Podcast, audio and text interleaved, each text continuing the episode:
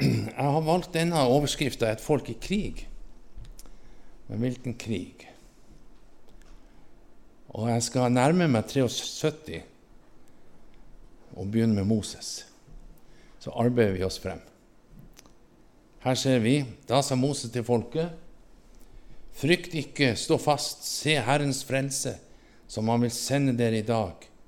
For slik som dere ser egypterne i dag, skal dere aldri i evighet se dem mer. Herren skal stride for dere, og dere skal være stille.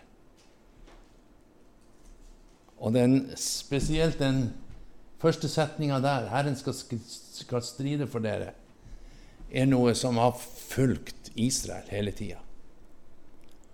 De har ikke alltid vært like stille, men, men de har opplevd at Herren har stridd for dem.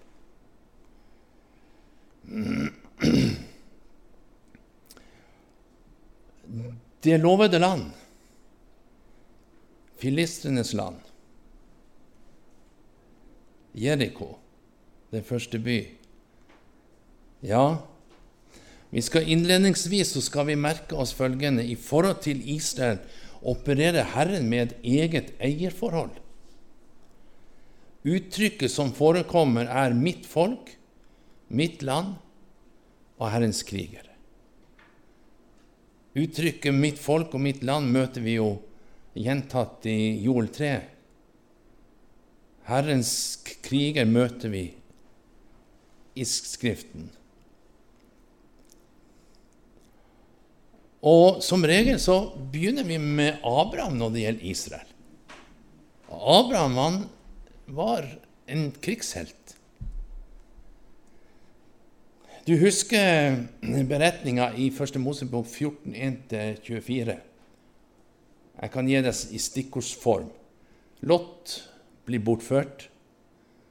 Og så kommer ryktene til Abraham. Abraham befrir sin nevø med sin armé på 318 våpentrente menn. Og himmelens Gud kvitterer ved å sende Melkisedek, som velsignet Abraham. Hvorpå Abraham han gir tiende, og tiendeprinsippet innføres. Så det starta før loven. Hvis vi ser på fra Moses til Josva etter utgangen fra Egypt, hvilket land var de på vei mot? Jo, på Herrens befaling så sender Moses speidere. Det leser vi om i 4. Mosebok 13. Og, og, og, det skjedde to ganger. Eh, to speidere sendes av sted og så står det Josva 2,9. Da er det, er det Josva som har overtatt. Jeg vet at Herren har gitt dere dette landet, sa Rahab. Nå er det kommet over oss en redsel for dere. Alle som bor i landet, forgår av frykt for dere. Ha det som bakgrunn. Hvis vi ser på krigsprinsippet for Israel i gammeltestamentlig tid, så vil jeg eh, først få minne deg om at det var jo syv folkeslag som, eh, som eh, besatte løfteslandets første etappe, kan du si. Det var hetittene og gigasittene, amorittene og kanoneerne, Eh, det var ferisittene, hevitene og jebesittene. Det leser vi om i 5. Mosebok 7. Og hvordan var med maktbalansen? Det er litt viktig å, å se at allerede på den tiden så var det ikke så veldig balanse i det. Der var kjempeætten, husker vi, eh, som fortærer innbyggerne det var høyvokste folk. de, de, var veldig engstelige for det her. Og du, du, du husker når, når disse eh, ti speiderne kom tilbake, de var, de var grepet av angst. Vi, vi, var I forhold til de, så var vi som gresshopper. Det var liksom maktbalansen. Og det leser vi om i 4. Mosebok 13. Men så var det to som trodde på Gud på tross av det som øynene så. Og det eh, kan du, du si det, det har gjentatt seg i alle krigene, de her prinsippene og de her holdningene iblant uh, Israel og, og deres fiender. Kaleb og Josva de trodde at har Gud sagt vi skal få landet, så kommer det til å skje. Ikke på grunn av at vi er så gode å krige, men på tross at vi ikke har så mye menneskelige ressurser å stille opp med.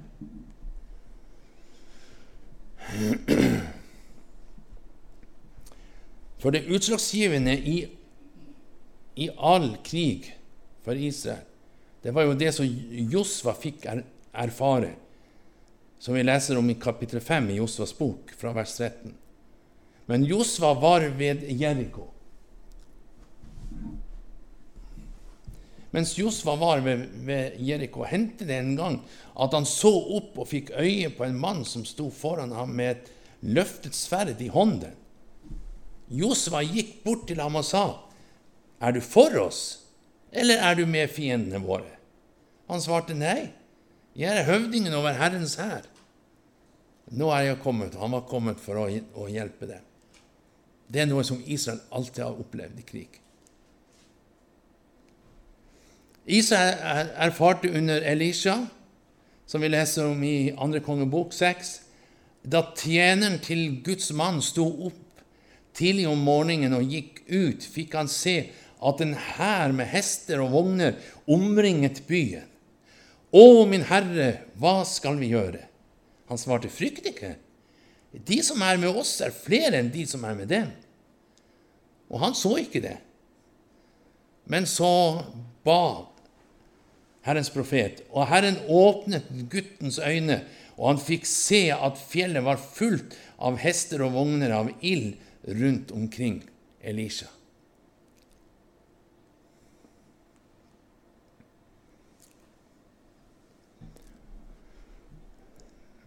I forhold til at Israel i mer moderne tid eh, skulle få vende tilbake og få tilbake landet, så gjorde Gud han gjorde en del forberedelser. Nå hadde islam hatt hovedherredømme på området rundt. Og det ortomanske riket var dominerende. Det som nå heter Tyrkia. Og det ser ut for at eh, deres president han har eh, skumle tanker nå.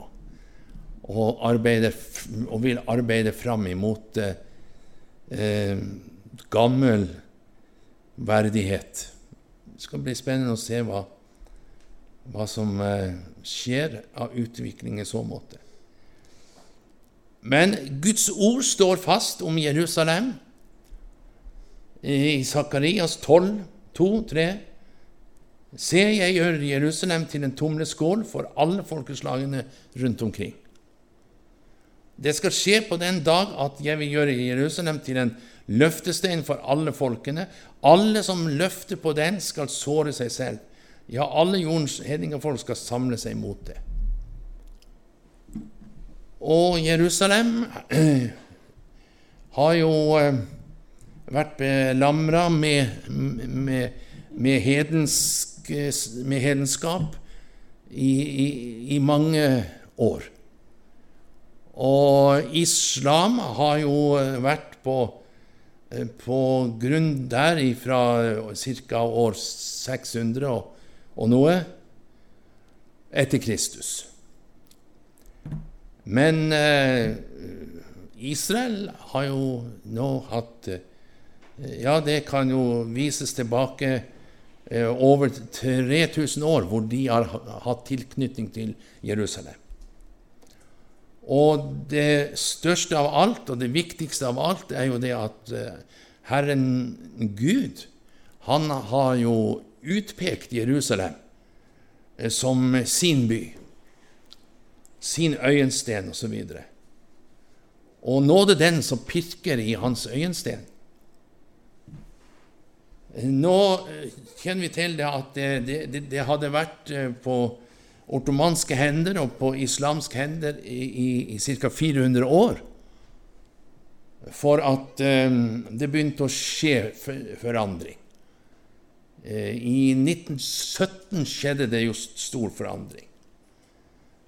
Og da vil jeg ta fram spesielt to personer. Det ene er denne engelske generalen, general Allenby. Han eh, var en dyktig kar og brukt i viktige eh, angrep som engelskmann sto bak. Eh, den som er mindre kjent, er, er vel Petra Marlene Moe, som blir kalt for Malamo. Hun, eh, hun var ingen soldat. Hun var ikke engang Frelsesarmésoldat. Så eh, hva har hun her å gjøre? Jo, skal du høre, nå skal du eh, få høre hvordan Gud går fram. Og vi arbeider oss fram til Jom Kippur. Husk på det. Jeg har ikke glemt av det. Så, så var det jo Slik som jeg ser det, så så måtte jo Gud nødvendigvis, for at eh, folket skulle tilbake, og sånn, så måtte han gjøre visse forberedelser og rokeringer. Og preparere liksom land, eh, by og, og, og, politikk og alt det her. Og i den store sammenheng vet vi at, eh, at det, det, det skjedde jo store ting eh, i slutten av det 18. århundre og i begynnelsen av det 19. Eh, det skjedde store ting i forhold til det jødiske folk, eh, og det skjedde store ting iblant vekkelsens folk, de, de evangeliske kristne. Jeg bare tenker på en sånn ting som 1905. Eh, 1904, 1905 det brøt ut en veldig vekkelse i Amerika. En, en fornyet erfaring av pinsedag og pinsedagens opplevelse. Hvor den eh, fargede eh, Han var vel halvt blind òg, iallfall blind på et øye. Som så Savior het han visstnok. Han, han brukte Gud til å ut, til, som en plogspiss når det gjaldt pinsevekkelsen på verdensbasis. Og Samtidig så, så, er det at Gud arbeider med, med, sitt jordiske rike, som er Israel. Eller sitt jordiske folk, mer presist sagt, som er jødene. Ikke sant? Gud han har, han har et, et synlig eh, rike. Han har en, en, en, synlig hovedstad og en Eh, et synlig Jerusalem og et usynlig Jerusalem. Som skal bli synlig, men foreløpig usynlig. Han har et folk som, som eh, tilhører det, det, det himmelske riket, og så har han det, det jordiske, som han kaller for sitt land, Israel, og sitt folk, som er jødene. Og så har han sin menighet. Og det her jobber han med parallelt. Det må vi huske på. Og nå, nå, nå, var det viktig i 1917. Da var det jo viktig. Da har vi Balfour-erklæringen, som eh, begynte å se dagens lys. Eh, samtidig så har engelskmann han hadde sagt det at, at eh, Jerusalem må frigjøres. Ja, har vi noen som kan lede et sånt uh, angrep? Ja, general Allenby kan gjøre det. Og så fikk han beskjed om at han skulle, han skulle ta sin armé, og så skulle han frigjøre Jerusalem fra det ottomanske okkupasjonsmakt. Jerusalem var okkupert av det ottomanske riket. Og det var jo et mirakel som skjedde.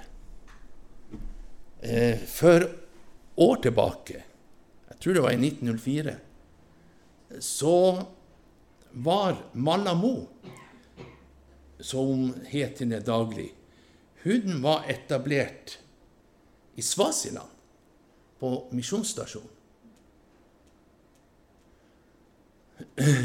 Det utrolige er at hun kommer fra Norge. Og hun kommer fra Sogn, ei lita bygd som heter Hafslo. Indre Hafslo. Og der er reist ei bauta av henne utafor bedehuset i Indre Hafslo. Og jeg har personlig stått ved den bauta. Eller bystedet, rettere sagt. Hva var spesielt med henne? Jo, hun var misjonær. Hun, hun, kom med i en vekkelse i Amerika og fikk misjonskall. Og så fikk hun misjonskall til Svasilandsegg. Og så bygde hun opp en misjonsstasjon. Og, og 1904 eh, pluss minus, holdt jeg på å si, jeg er ikke helt sikker på om det var akkurat da, så, eh, så er det at Allenby kommer med sine hærer og skulle eh, ordne opp i en borgerkrig i Svasiland.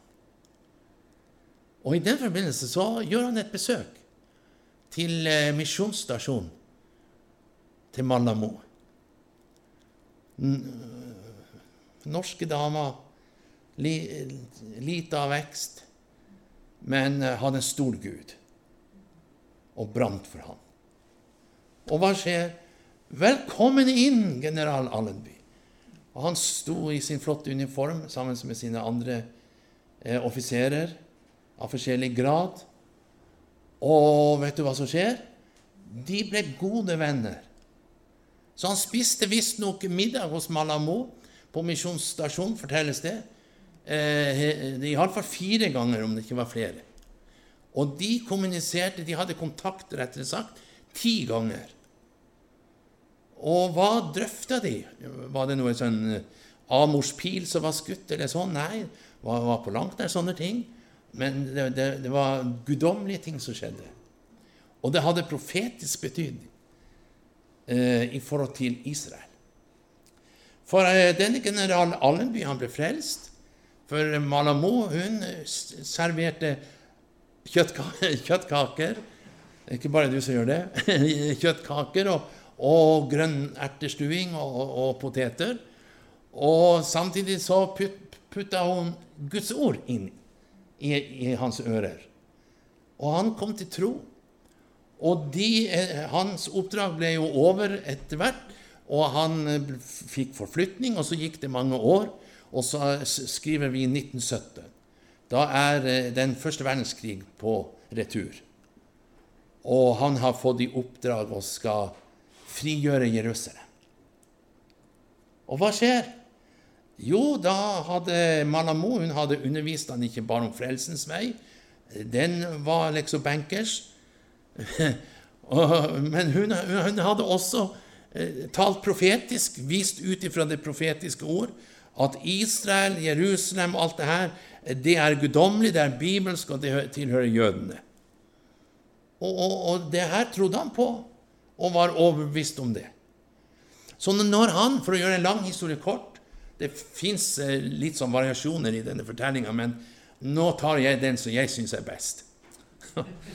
og så skal du høre så Så skjedde det at når, når han eh, bestemmer seg for at nå skal vi gå til åtak og frigjøre Jerusalem, så, så beordrer han sine soldater til å bøye kne på Oljeberget.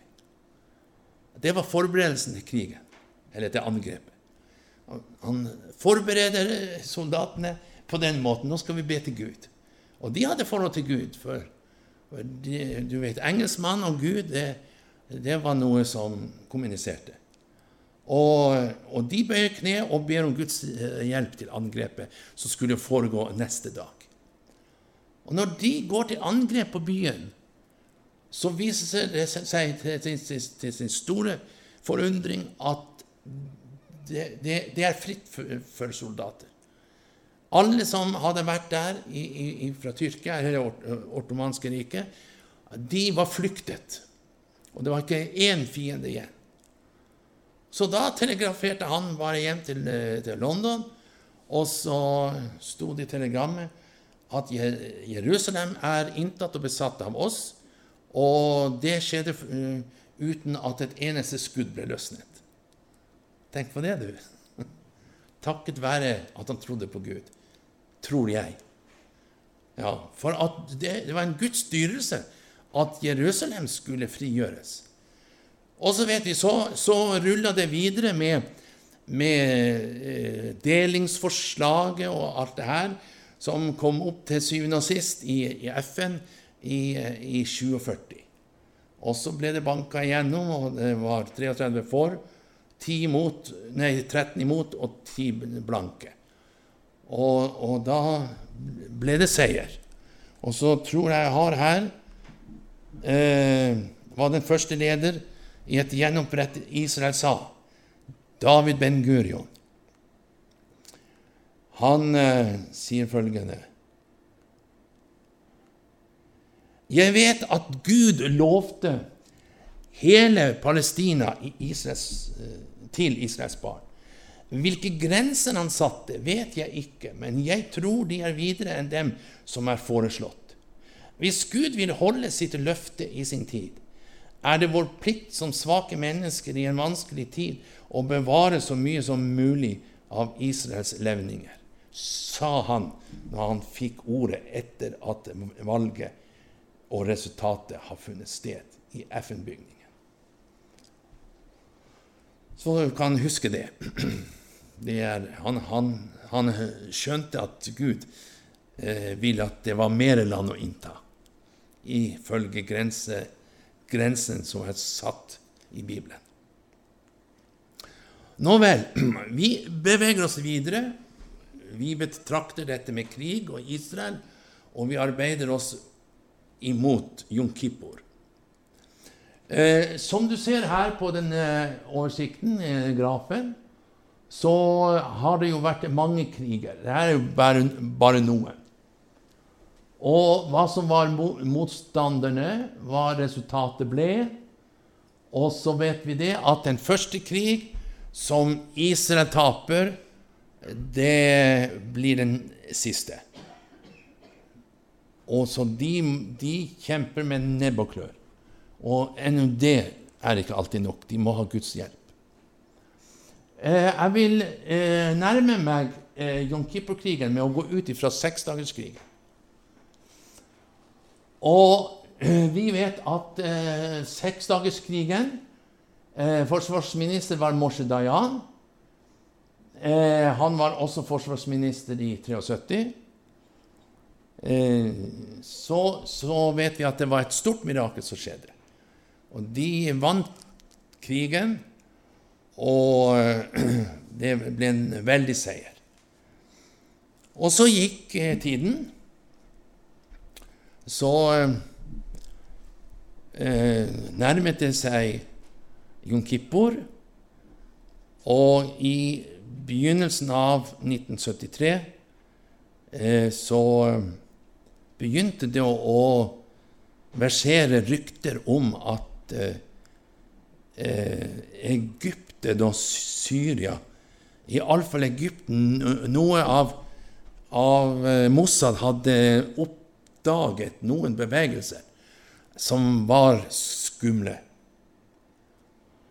Men de, de, i det store og det hele så mente regjeringen og utenriksministeren Det var jo Abba Eban. Jeg holder på akkurat nå å lese ei bok av han, som er veldig interessant. Han, han og flere de mente at det, det, det, det, kan ikke være riktig at de, de prøver å gå til angrep på oss. Eh, det, på, på, samme tid så, så, kommer det for meg i minne en av de siste turene jeg var i Israel med ei gruppe, så sto vi på Golanhøydene, og den står jo sentralt i Jom Kippur-krigen. Eh, for du ser jo inn til Syria fra der. Og, så, og, og, og, da hadde vi en guide som var eh, med i eh, 73-krigen. Og han forteller at det var grusomt til å begynne med. Nå er det en hensikt med at jeg ga dere en liten kort innføring i eh, synagogegudstjenesten, og det her på Jon Kippur-dagen.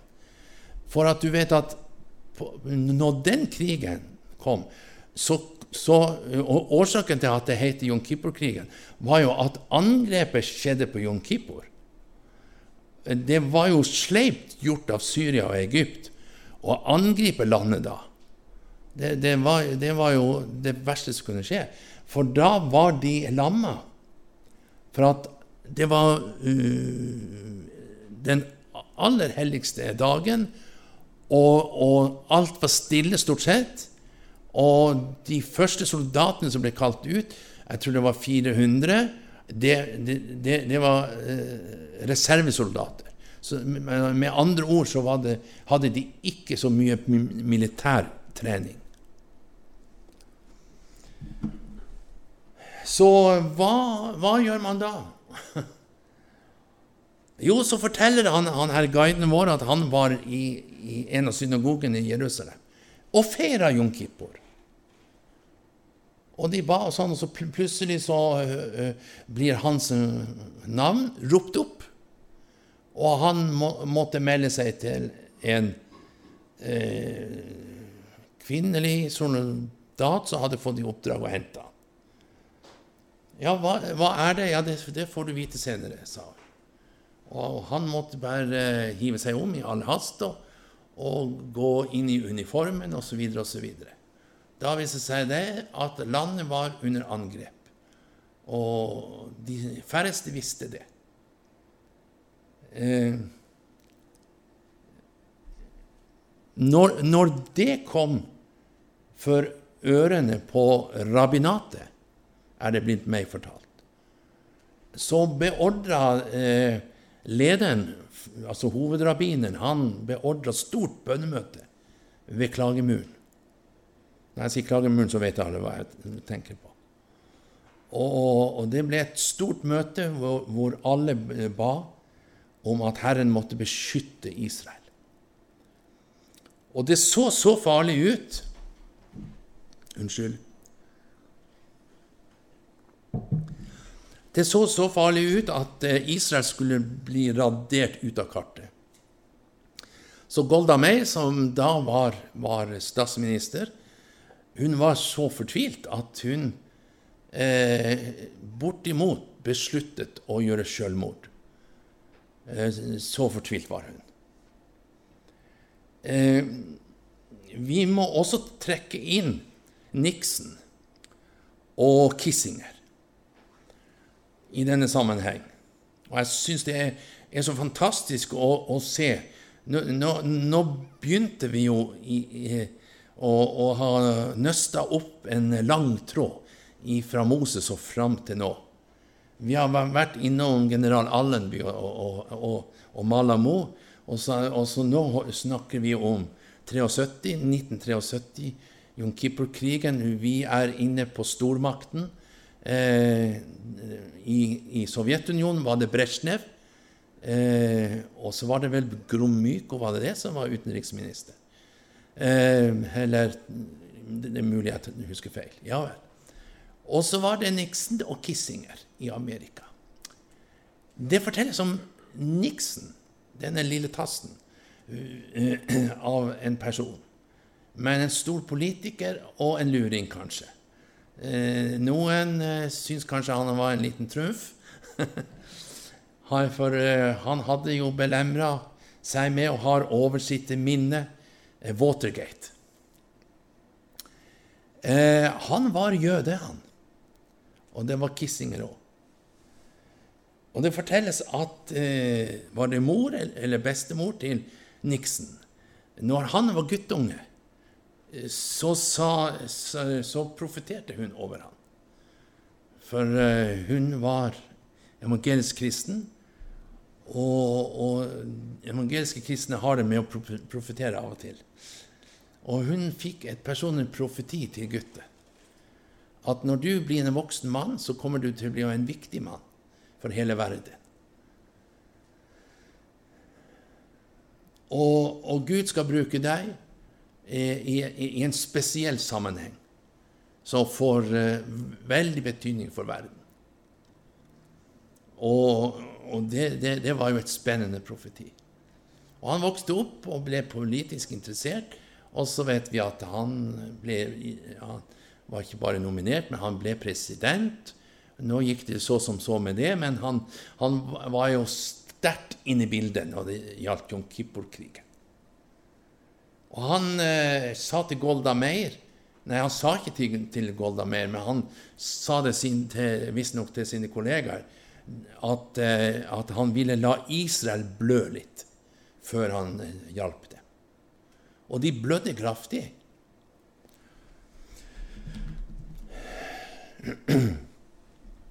Nå skal vi se her.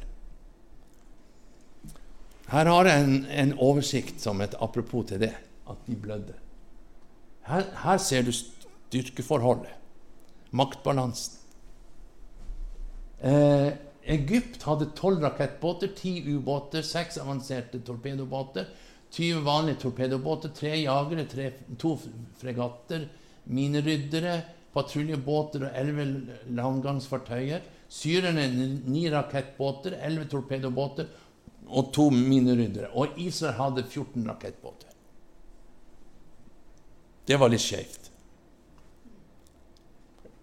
Pluss at det første åtaket Eh, så hadde Israel, som jeg sa, eh, 400 reservister, altså reservesoldater, mot var det Egypt 6000.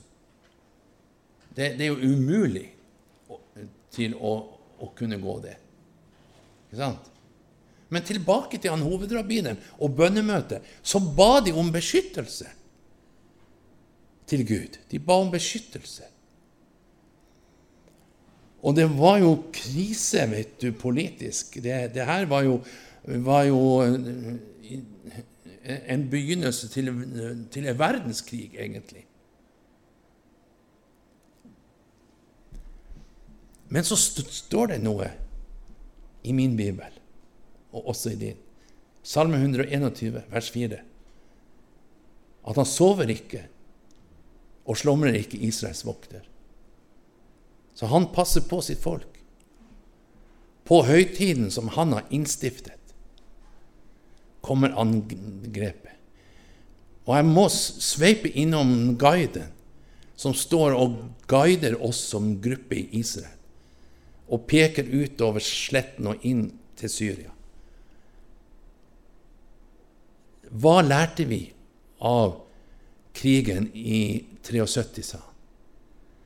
Jo, det må være det at vi ikke skal stole på egen kraft.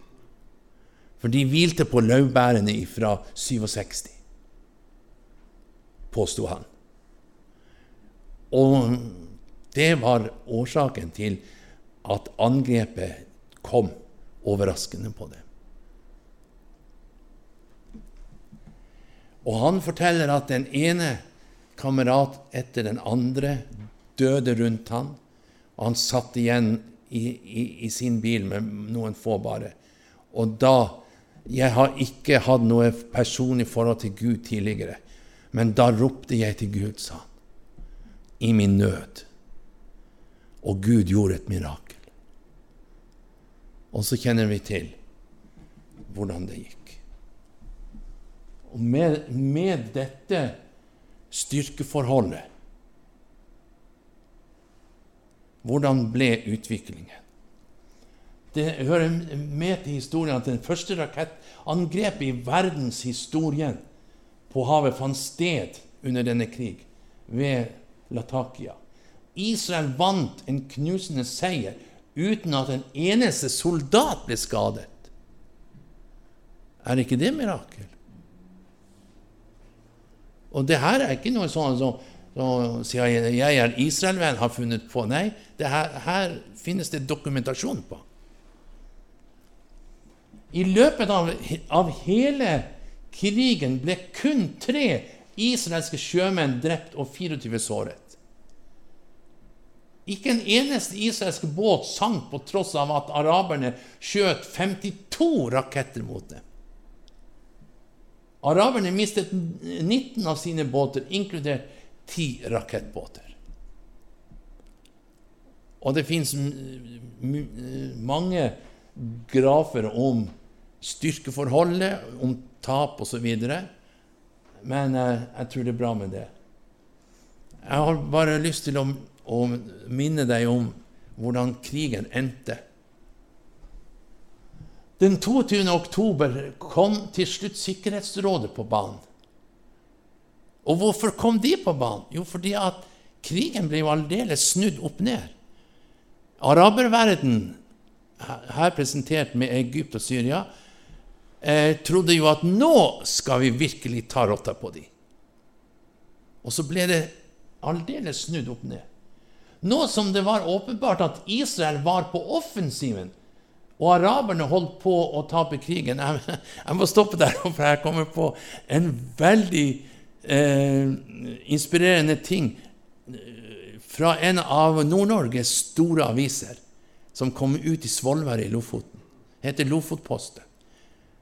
Eh, når jeg rydda opp etter faren min, så, så hadde han gjemt denne avisen. Det var, det eneste eksemplaret av Lofotposten jeg fant. Og jeg vet han var en ivrig leser av Lofotposten. Spesielt syntes han det var artig å, å, å lese tegneseriene på siste side om Fantomet.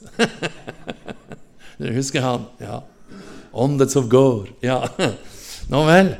Så, så skrev lederen en av dagene, altså omtrent på den tiden der, så skrev han i rosende ord om Israel lederen i Lofotposten.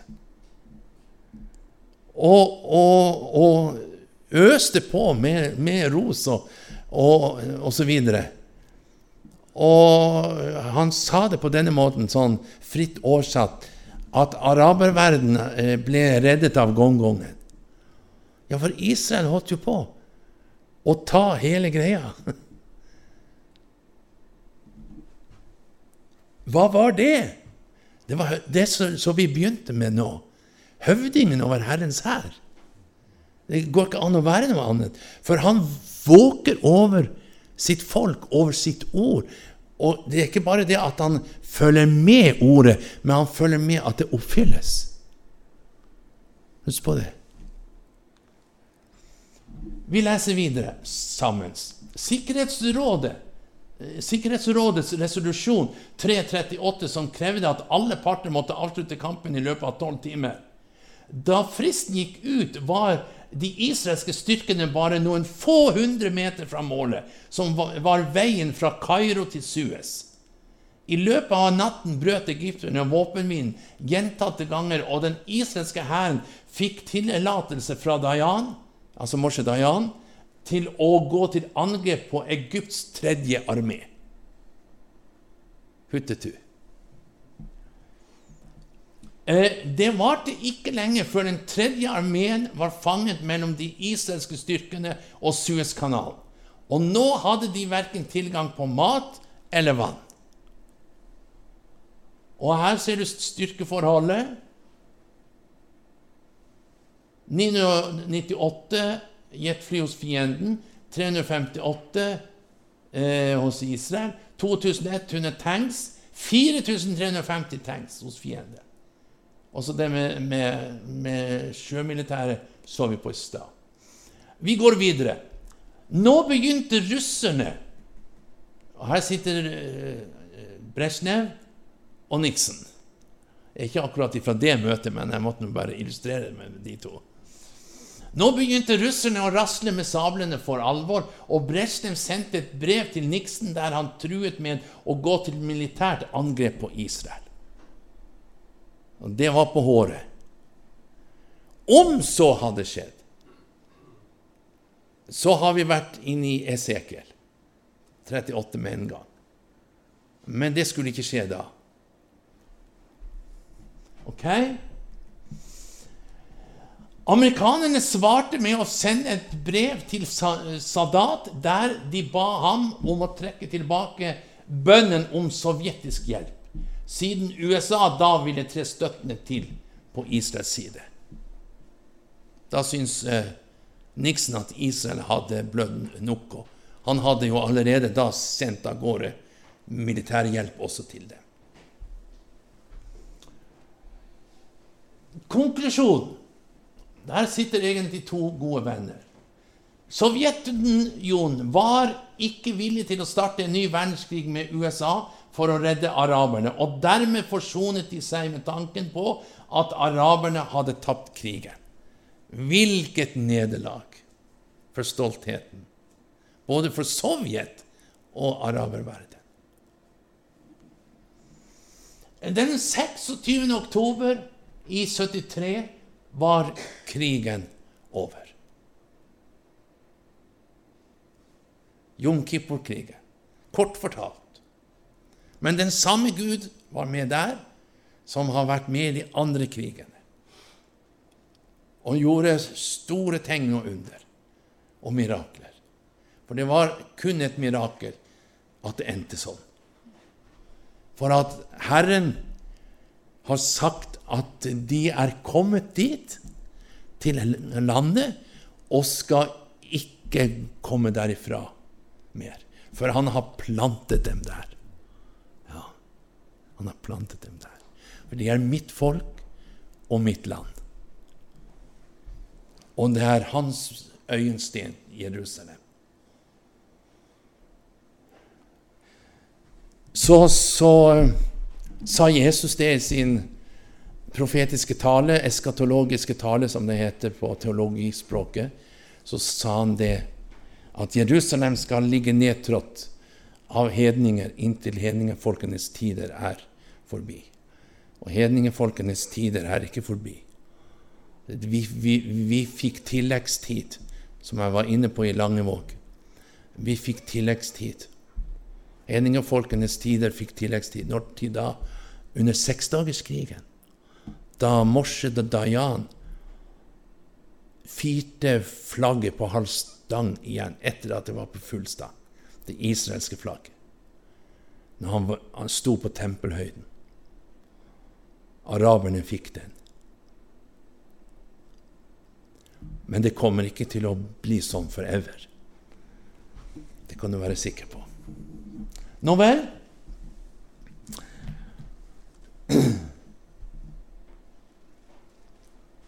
Jeg vil bare minne deg om at der er Guds plan for landet. Det eh, Bibeltolkene er litt eh, forskjellig dimensjonert, kan jeg si, når det gjelder eh, området, hvor mye. Noen er helt oppi, oppi der, i bukta der, og så helt ned i Rødehavet, her til ørken. Men eh, det som er interessant, er at det utkrystalliserer seg, eller utformer seg, til det persiske gulv og til Sinahalvøya helt ned til, til Ifølge Bibelen så står det Egyptens eh, flod, eller bekk. Og så er det Eufrat. Hvor har jeg det? Det er den. Nei, der. Der har vi Eufrat. Det er litt dårlig skrift, så jeg så ikke det med det samme. Ok? Eh, Herren har planer om å utvide. Og hva skjer da? Da, da kommer det inn på f.eks. Syria, på Irak, Eh, ikke sant? Det, det, kommer til å bli spennende, spennende tider det her når Herren skal utvide landemerkene. Eh, ta eksempel hvis vi slår opp i profeten Jesaja, kapittel 49.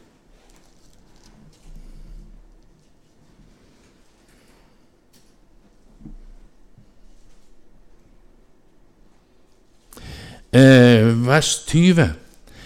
Ennå skal du få høre barn fra din barnløshets dager si, plassen er for trang for meg, flytt deg så jeg kan få bo her. De trenger mer plass. Og fienden vil at de skal ha mindre plass, ser du. Eh, fred mot å gi fra seg land. Ja. Men Herren vil ha det slik som Han har bestemt. For alle skal tilbake. Og nå er jo jeg veldig interessert i å, å følge nøye med hva som skjer i Amerika. For jeg, jeg tror det at Amerika har vært inne i det meste av sin storhetstid. Og det kommer til å bli forandring på det. Eh, nå tror vi det at Herren han opererer gjennom mennesker og, og med, med, stor påvirkning på, i, det politiske landskap. Eh, med all respekt å melde, han er jo president i Amerika, eh, Donald Trump. Eh, men han har fått til noe på kort tid som ingen andre eh, før han har gjort. Det, det lå eh, vedtak i, i, eh, i, blant styrende stell ja, det, det, har vært i mange, mange år at ambassaden, den amerikanske ambassaden skulle flyttes til Jerusalem. Men, Obama fikk ikke det til. Men Trump fikk det til. Ja, vi, vi bør merke oss det. Og så kan han bare være så snuflete som han vil i, i sin eh, dialog og sitt prat. Han gjør mye rart, ja, det er vi alle enige om, han, og ikke minst sier mye rart. det er nesten komisk. Men, men se hva, hva, han får til. Se, legg merke til hva, hva han får til. Det, det, er ikke alt som er like bra, det vet vi godt om. Men, men, men Herren bruker den han vil for å få sin plan igjennom. Og Israel skal ikke bli noe, noe, noe stormakt i, i, nådens tidsutholdning.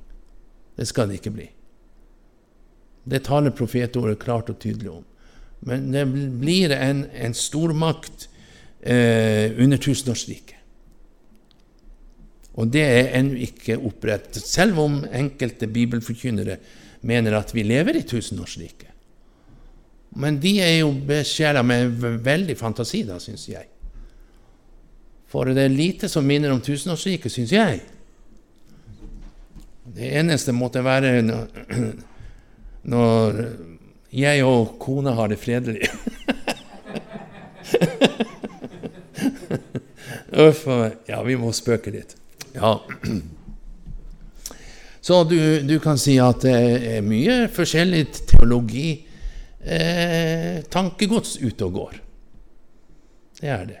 Og du, du, tror jeg tuller, men det er veldig mange som står for den teorien. At vi, vi, vi lever Og opprykkelsen har vært, og alt det her. Så eh, stakkars oss som er igjen, holdt jeg på å si. Uff a meg. Jeg tror at de har mistolket veldig Guds ord. Det heter preterismen. Jeg vet ikke om du har hørt om det. Preterismen. Nå vel, nå vil jeg eh, avslutte med et eh, sitat fra profeten Jeremia. Og Det er kapittel 31, vers 35 og 36.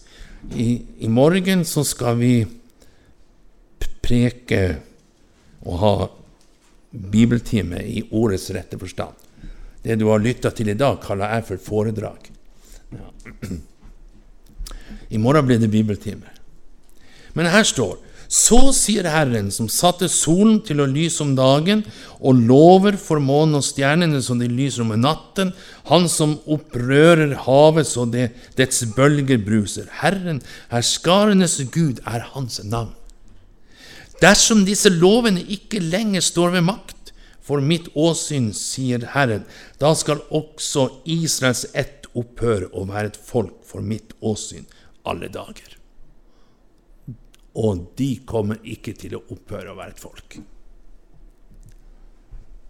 Husk på det. Lar vi det bildet stå igjen. Takk for oppmerksomheten.